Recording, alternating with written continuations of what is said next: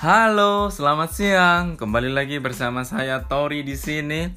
Kawan-kawan, lagi ngomongin siang-siang gini enaknya emang tidur siang kan, tapi mungkin sebagian dari teman-teman belum tahu gimana sih caranya biar tidur siangnya berkualitas. Nah, saya bakal ngebagiin tips-tipsnya sekarang. Yang pertama, nggak pakai lama nih ya, pilih waktu yang tepat. Karena tidur siang yang tepat itu antara saat pukul 1 sampai pukul 3 Nah, kayak kayak sekarang ini waktu yang tepat nih buat tidur siang. Yang kedua, cari situasi yang gelap. Andai kata kalau misalkan tidak bisa situasi yang gelap, mungkin teman-teman bisa menyiasatinya dengan ditutup matanya, pakai tangan, pakai tisu atau pakai hal lain. Ya, suka-suka teman-teman lah.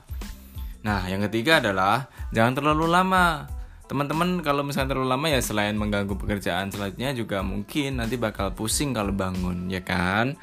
Nah tips yang keempat nih teman-teman. Pilih tempat yang tenang. Bisa di kamar atau di ruang tidur atau di tempat-tempat istirahat tertentu yang memungkinkan untuk tidur siang.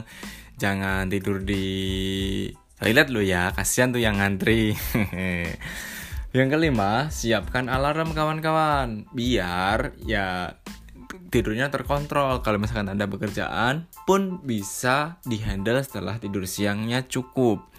Nah, kalau saya sendiri sih tidur siang itu cukup 5 sampai 15 menit. Itu udah cukup sekali untuk bisa mengembalikan stamina yang mungkin tadinya capek. Nah, yang terakhir adalah minum kopi sebelum tidur. Kenapa? Tipsnya begini teman-teman.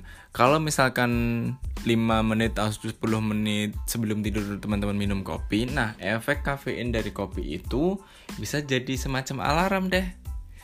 Nah, itu dia 6 tips tidur siang dari saya yang dilansir dari About Health.